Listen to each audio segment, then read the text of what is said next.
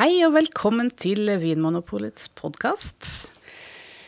I dag er det fest i studio. Anders Stueland er her. Jeg heter Anne Grav, og så har vi fått besøk av Katinka Dege. Velkommen. Takk. Vi skal feire Beaujolais Nouveau i studio i dag. Og Katinka, eh, kan du forklare meg litt Du er altså en eh, som jeg kjenner det, en eh, vinkapasitet. det er kanskje ikke ordet du bruker om deg sjøl, men kan du fortale, forklare kort eh, hvem er du? Uh, ja, jeg er jo Jeg har jo jobbet med vin veldig, veldig lenge. Og jeg lærte jo om vin i, fra restaurantbransjen fra min far, som var en meget entusiastisk restauratør med stort fokus på franske viner. Så det var jo han som introduserte meg til dette. Og siden det så har jeg da fortsatt uh, ja, å holde innenfor bransjen og lagt utdannet meg spesielt innenfor vin, da.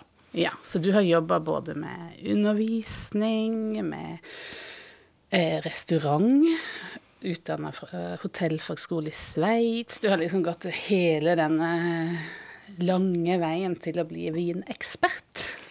Ja, vinekspert er jo et veldig stort ord, da. Men eh, ja, jeg har, jeg har jobbet med, innenfor nesten alle uh, hva skal jeg si, yrkene innenfor denne bransjen, bortsett fra vinproduksjon. Det har jeg enda ikke gjort. Så kanskje jeg kan komme og hjelpe deg nede i Kristiansand? Ja, velkommen. ja, takk. og nå jobber du faktisk også på polet? Ja, nå jobber jeg også på polet. Og det er kjempemorsomt å se den siden av, av bransjen også. Flott. Um, og vi skal jo snakke om eh, Beaujolais Nouveau. Og grunnen til det er jo eh, egentlig din far, mm. som du nevnte. Ja. eh, fordi det var han som faktisk introduserte Beaujolais Nouveau i Norge, har vi eh, på en måte resonnert oss fram til. Gjorde i hvert fall lagde festen eh, ut av det.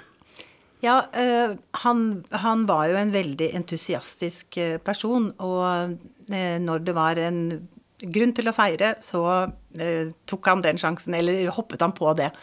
Og dette, dette, startet vel i begynnelsen av 80-tallet.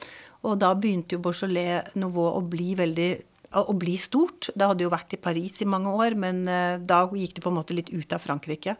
Og han jobbet jo med eh, noen franske produsenter for å ha også eh, Eller tilby noe annet eh, på, i restauranten.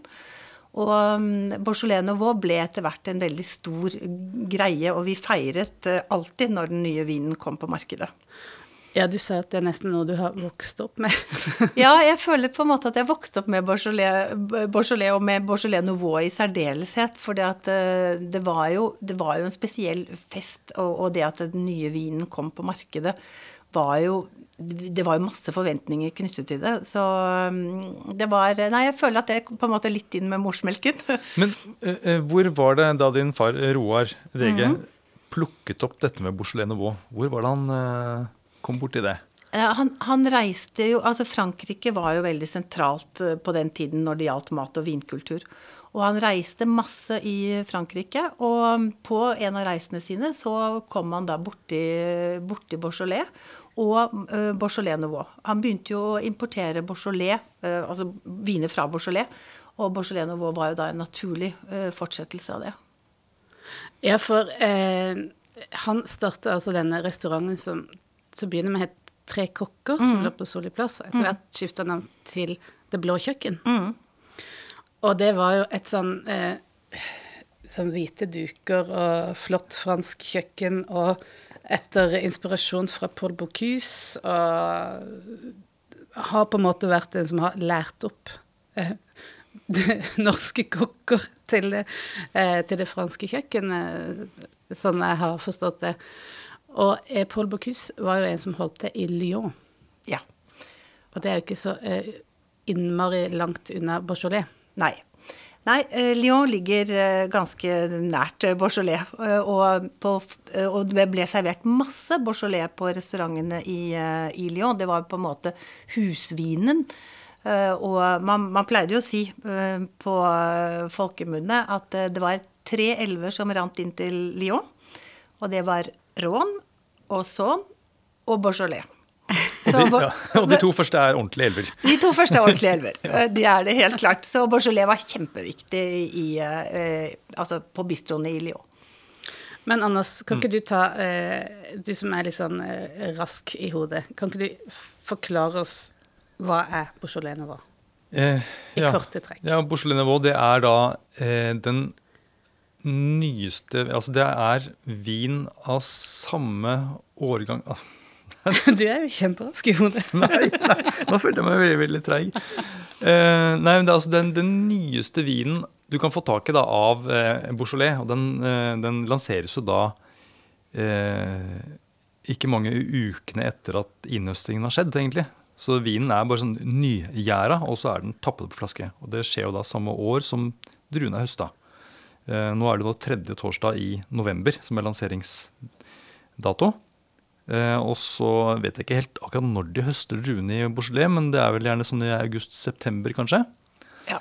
Så da går det to-tre måneder fra druene høstes til da flaskene pumpes ut på markedet. Og det er Eh, sjukt kort det tid. er eh, Jeg tror ikke det fins noe annet vin som kommer så raskt ut. Kanskje nå i Østerrike så har de en, en sånn tilsvarende tradisjon. Men eh, ja, det er, det er den nye vinen, og det er vel det den eh, også blir omtalt som.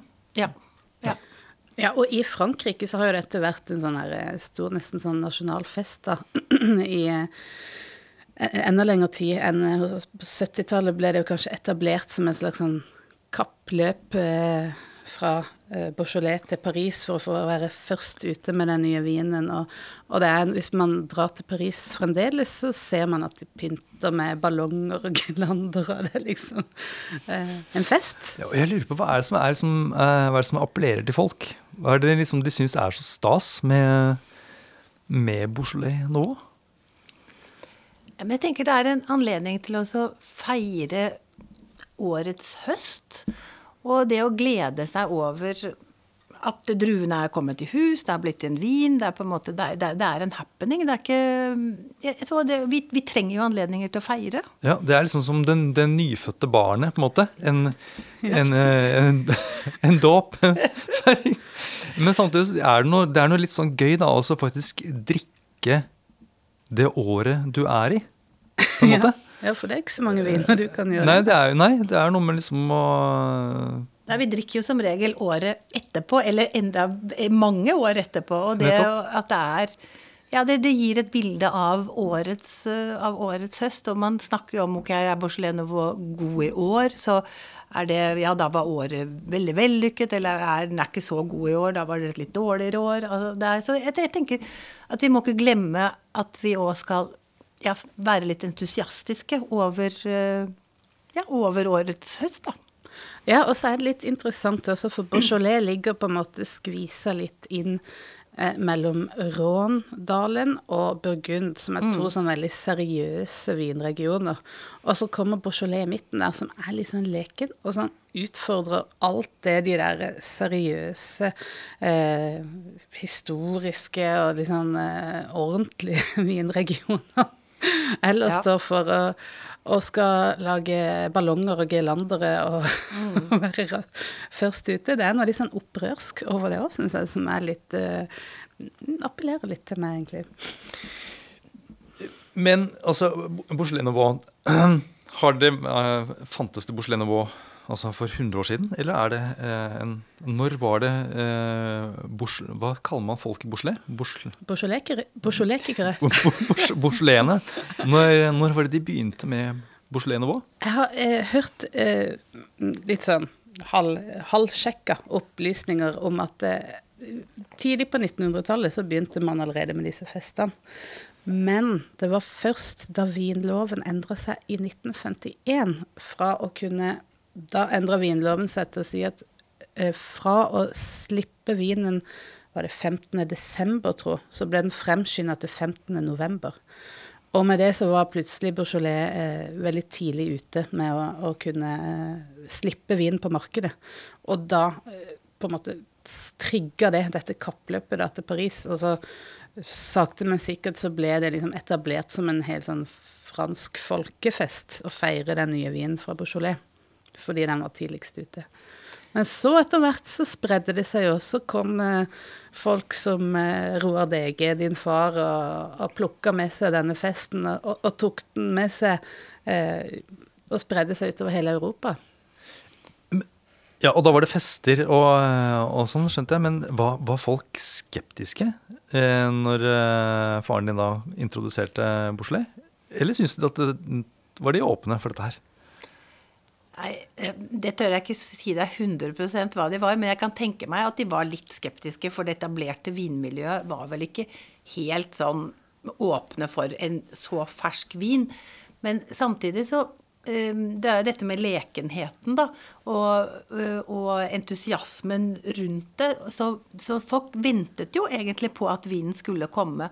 Og vi hadde Vi arrangerte store fester hvor vi inviterte eller hvem som helst kunne melde seg på, men var, jo, vi inviterte jo gjester av restauranten, og vi inviterte jo uh, sjåførene på Vinmonopolet som hadde fraktet denne vinen oppover. Det, så det ble jo på en måte en sånn veldig sånn stor happening. Og det var jo masse Beaujolais Nouveau-fester rundt omkring i ja, Spesielt kanskje i den sørlige delen av Norge, men masse vinklubber, masse studentersamfunn som hadde Beaujolais Nouveau-fester. Så det, det Så vinen ble feiret. Og jeg tror det er noe som eh, skjer i dag også, men eh, det er selvfølgelig blitt en veldig mye mindre omfang enn hva det var. Da, men, øh, du, du, sa da at det var Vinmonopol-sjåførene som fraktet vinen opp til, til, Norge. Nå, er jo, nå har jo ikke Vinmonopolet import lenger, men den gangen så var det Vinmonopolet som håndterte liksom hele kjeden Absolutt alt. Eh, inn, til, inn til butikken. Hva, altså, fortell litt om det. Hvordan fikk de tak i vinen der nede? og hva, hva opplegget? Var det, bare, var det en vanlig transport som, eh, som, når de skulle hente vin i Bordeaux eller andre områder, eller var det noe spesielt med denne Beaujolais-transporten? Ja, altså det, det, som var spesielt, var jo at eh, vinen eh, ble frigjort i Frankrike eh, midnatt. Eh, først 15.11., og så senere eh, tredje torsdag i, november. Men den ble frigjort i midnatt. I dag har vi den i butikkene på, samme, på samme tid over hele, over hele verden. Men, eh, men ikke, sånn var det ikke den gang. Så da sto jo alle folkene klare i Frankrike, i Beaujolais, Romaneche Dorin, og var klare for å kjøre så fort som mulig til de ulike bestemmelsesstedene. Og det var jo også Vinmonopolets sjåfører. De sto klare. Altså en, en by Eh, med torg full av lastebiler og folk som står klar til å laste om bord Bouchelet, og så skal de dra av gårde til rundt omkring i Europa. Ja, helt korrekt. Og, og, det, og, dere kan tenke dere hvilket kaos det var. Men det, samtidig som det var et kaos, så var det også en stor fest for å slippe disse bilene av gårde. Så folk, folk si, Festen startet jo midnatt i, eh, i, Frankrike, og så fortsatte den da utover eh, i, i Europa etter hvert som bilene da kom, kom frem til eh, bestemmelsesstedet. Så det var kappløp, ikke bare til Paris, men også til resten av, av verden. Til Solli plass. Til Solli plass, helt riktig. Og du fortalte vel også at til og med Concorde var satt inn som transportmiddel for å få den raskest mulig til USA. ja, det, det balla jo på seg, det her. Ja, nei, så, det var, så, så, festen startet midnatt i Romanesh Torin med alle lastebilene. Og hva, hva skjer på en sånn Beaujolais-fest, da? Jeg har aldri vært på det. Jeg, Nei, ja. da har du virkelig gått glipp av noe. Det var, altså, det, det var jo stor ståhei. Og man spiste eh, fransk mat, og det var musikk. Og, det, og man drakk jo da selvfølgelig eh, Beaujolais Nouveau. Og eh, noe Eller eh, vi hadde jo også invitert eh, sjåførene til å komme og fortelle da om veien opp til Norge, og hvor viktig det var for dem å få denne vinen på plass så raskt, eh, så raskt som mulig. Så det var, det var, jo, det var veldig begeistring. Altså folk var entusiastiske, og det var eh, ja. De klarte det. Klar, de kom ja, i mål. Ja, de kom i mål. Det var liksom sånn man sto og ventet. Når, hvor, hvor, er de? Er de her snart? Det, det, var jo ikke helt sånn, da, men det var, det var, det var veldig øh, det, var veldig morsomt. Og det var stor glede over denne vinen som, eh, som kom. Og det var ikke sånn at man uh, satte seg ned og satt og sniffa på vinen og, og tok uh, smaksnotater og sånn. Da var det Drikkeglede. Det var, det var drikkeglede. Og ja, det, man danser og klemmer på hverandre. Ja, er man på en måte litt sånn, ja? Ja, det var, det var fest. Ja. Sant? Og det var begeistring, og det var Nå har den nye vinen kommet, og, ja, og de, de, de, klarte det igjen, ikke sant. Så nei, det, var, det, var veldig, det var veldig morsomt. Herlig. Fugledansen nevnte du også. Å jaså? Ja, det, så det er altså, sånn Beaujolais-tradisjon? Nei, men på den tiden så var fugledansen veldig populær. Så man danset av fugledansen av begeistring for da denne nye vinen som kom. Jeg liker også det at det er faktisk sjåføren som er heltene. Det er jo ofte Så er det jo så veldig mye snakk om stedet, familien, liksom forfedre og sånn. Her er det faktisk sjåførene som blir feira. Og ja, tatt imot med brask og bram. Det er en liksom, ja, Hadde ikke de stilt opp der nede, så hadde jo ikke vinen kommet opp. Så det er klart at sjåførene spilte en vesentlig rolle i dette. I det, i dette. Nå, vi har jo ikke snakket noen ting om hvordan Beaujolais Nouveau smaker. Og det er jo litt sånn uvanlig for oss, egentlig, eh, når vi snakker om vin. Mm. Men det er jo fordi det er så mye annet spennende akkurat rundt Beaujolais Nouveau. Ja. Eh, hvordan hvordan smaker porselen nå? Har, har, det endret seg? Smak, smaker den det samme nå som den smakte den gang? Det, det tror jeg ikke at den gjør. Men den, altså, stilen er jo mer eller mindre den samme. Men uh, den gang så var det jo ikke noe Beaujolais Village Nouveau. Da var det Beaujolais Nouveau. Uh, og i dag finnes det jo flere varianter. Du kan jo få både Beaujolais Nouveau og du kan få Beaujolais Village Nouveau. Og, uh, og i dag er det jo også mange produsenter på, på markedet her, her, hjemme. Og alle har jo på en måte sin oppskrift da, og sin måte å gjøre det på. Så, men eh, jeg tenker at den er kanskje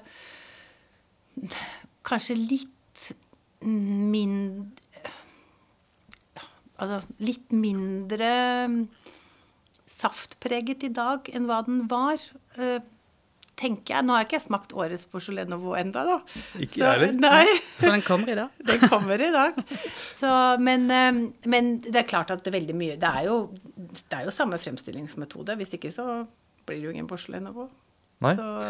Nei, for jeg tenker det at nettopp det at den skal være ferdig tidlig. Mm. Altså, man må jo høste relativt tidlig. Og, eh, og gjæringa må jo starte med en gang.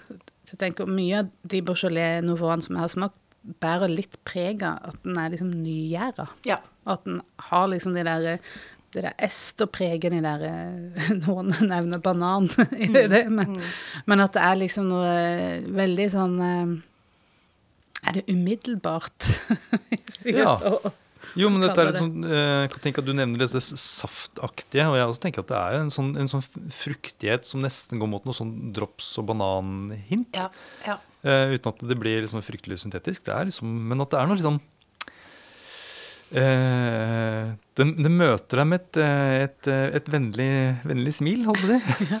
ja, men det skal jo være saftig. Det skal være fruktig. Det skal være leskende.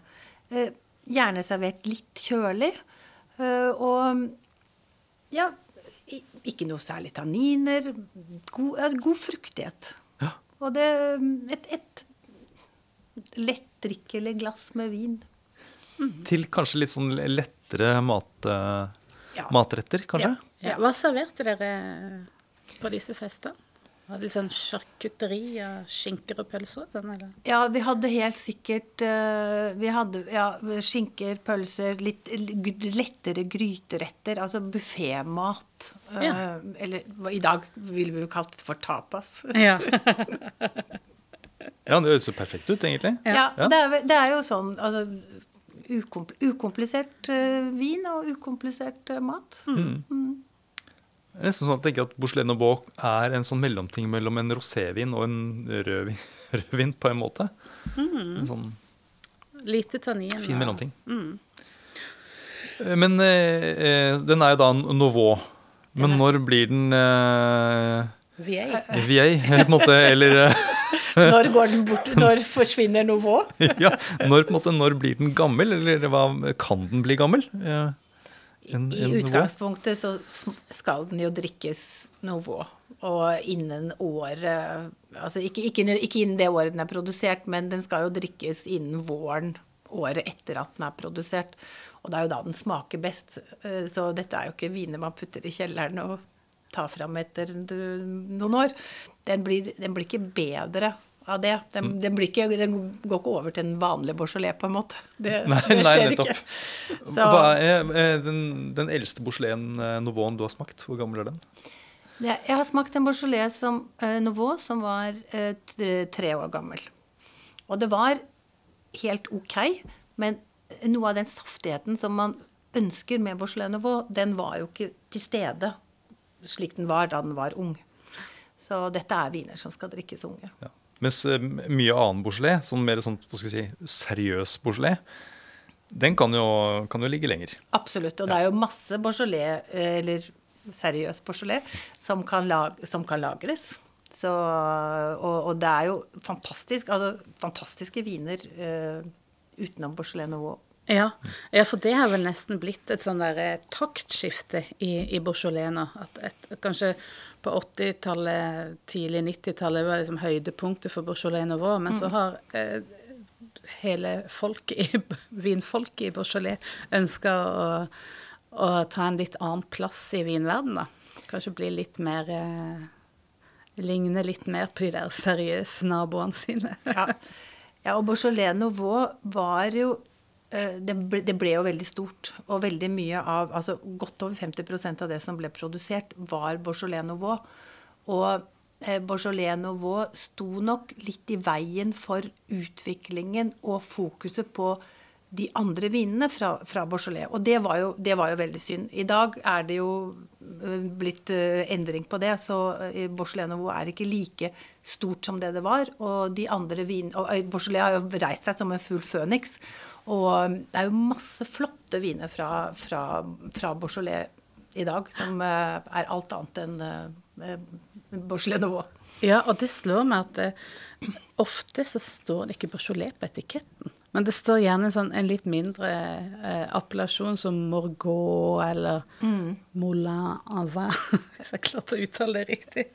og kanskje nettopp fordi å ta litt avstand fra den derre eh, litt sånn eh, tullete festpreget, da. Mm. Ja, det er jo ti Kry-områder uh, i, i Beaujolais som Ja, som du nevnte, Morgot, Moulin, Fleury etc. Som er eh, seriøs Beaujolais. Mm. Mm. Og som, hvor man da fokuserer på nettopp disse kryene. Ja, og jeg tenker også en annen ting med, med Beaujolais som eh, kanskje gjenspeiler litt den der tradisjonen med lekenhet og opprør, er jo det at det eh, kan vel kalles naturvinsvugge. Ja, og det er jo litt gøy. Mm. For det er jo også litt sånn opprør mot de der vintradisjonene og det konvensjonelle. Så det er liksom mye å hente der nede. Tror kanskje Ta meg tut. de, er de, eh, de, er litt kreative, rett og slett, ja. i Beaujolais? Ja, de er, de, er, de er, kreative. Og Beaujolais Nouveau er jo et uh, strålende eksempel på at de har vært veldig kreative. For det er jo skikkelig god markedsføring av et område som kanskje uh, kom litt galt ut mm, etter hvert som tiden gikk. Men bevare meg vel, Beaujolais Nouveau var jo med på å sette Beaujolais på kartet til de grader. Ja. Verden over. Ja. Så nå er det bare da også eh, finne eh, fugledansen på, ja. på, Spotify. på Spotify. Fordi, eh, Visste dere forresten at eh, fugledansen eh, ble laget av et eh, tysk ektepar som drev en danseskole? Nei, det visste jeg ikke. Så det jeg tenker det også, eh, At fugledansen var en sånn naturlig del av Beaujolais Nouveau-festene, er jo litt underlig. Eh, for det skulle kanskje vært en fransk, en fransk fugledans. Det burde ha vært en fransk fugledans. Så, men jeg vet ikke helt hva den heter for noe, hvis man skal søke den opp på Spotify. Men den er, ja. det er sikkert mye Den er nok lett å finne. den er nok det. Blås opp ballonger. Eh, sett på fulldansen. Ja. Åpne opp en flaske med Beaujolais mm. og en liten eh, buffé. Ja. Så er, det Så er festen i gang. Så er festen i gang. ja. Tusen takk for at eh, du kom og fortalte oss om dette. Bare hyggelig. Vi høres.